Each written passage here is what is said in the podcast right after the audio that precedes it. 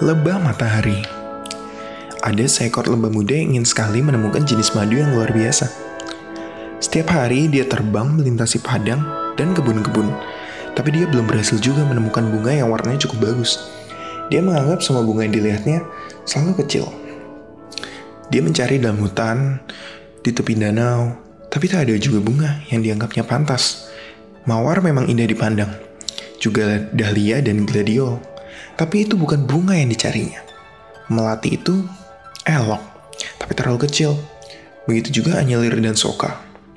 Setiap hari, lebah ini terbang mencari, dan pada sore hari dia selalu tiba di sarang kecapaian. Jenis madu yang diinginkannya belum juga ditemukan, tapi pada suatu Jumat siang dia kembali ke sarang dengan wajah tegang. Terengah-engah dia berteriak, Aku sudah menemukan bunga itu. Betul, bagus sekali. Bundar, dan warnanya kuning emas, berkilauan. Oh, sekarang aku bisa mengumpulkan madu yang enak. Keesokan harinya teman-temannya melihat lebah muda ini pagi-pagi sudah terbang. Tinggi, tinggi, dan makin tinggi. Tapi 10 menit kemudian dia turun lagi dengan mata air bercucuran dia berkata, Bungaku jauh sekali. Aku tak bisa sampai ke sana. Teman-temannya kasihan melihatnya dan ingin menolongnya. Di manakah bungamu? Tanya mereka. Mungkin kita dapat ke sana bersama-sama. Dengan wajah sedih, lebah itu menunjuk ke matahari. Mula-mula temannya tidak mengerti, tapi akhirnya dia berseru. Astaga, itu kan bukan bunga, itu matahari. Ayolah, keringkan air matamu dan ikutlah ke taman bunga dengan kami. Tapi selebah muda tidak mau. Dia bersembunyi di balik daun-daun sambil terisak. Seekor kadal yang ada di dekatnya bertanya, kenapa dia? Setelah mendengar cerita lebah, kadal berkata, Jangan sedih, lebah kecil. Aku tahu sebuah padang yang penuh dengan bunga, persis seperti matahari. Di mana? Tanya lebah bersemangat. Di balik hutan dengan pohon-pohonan ek itu.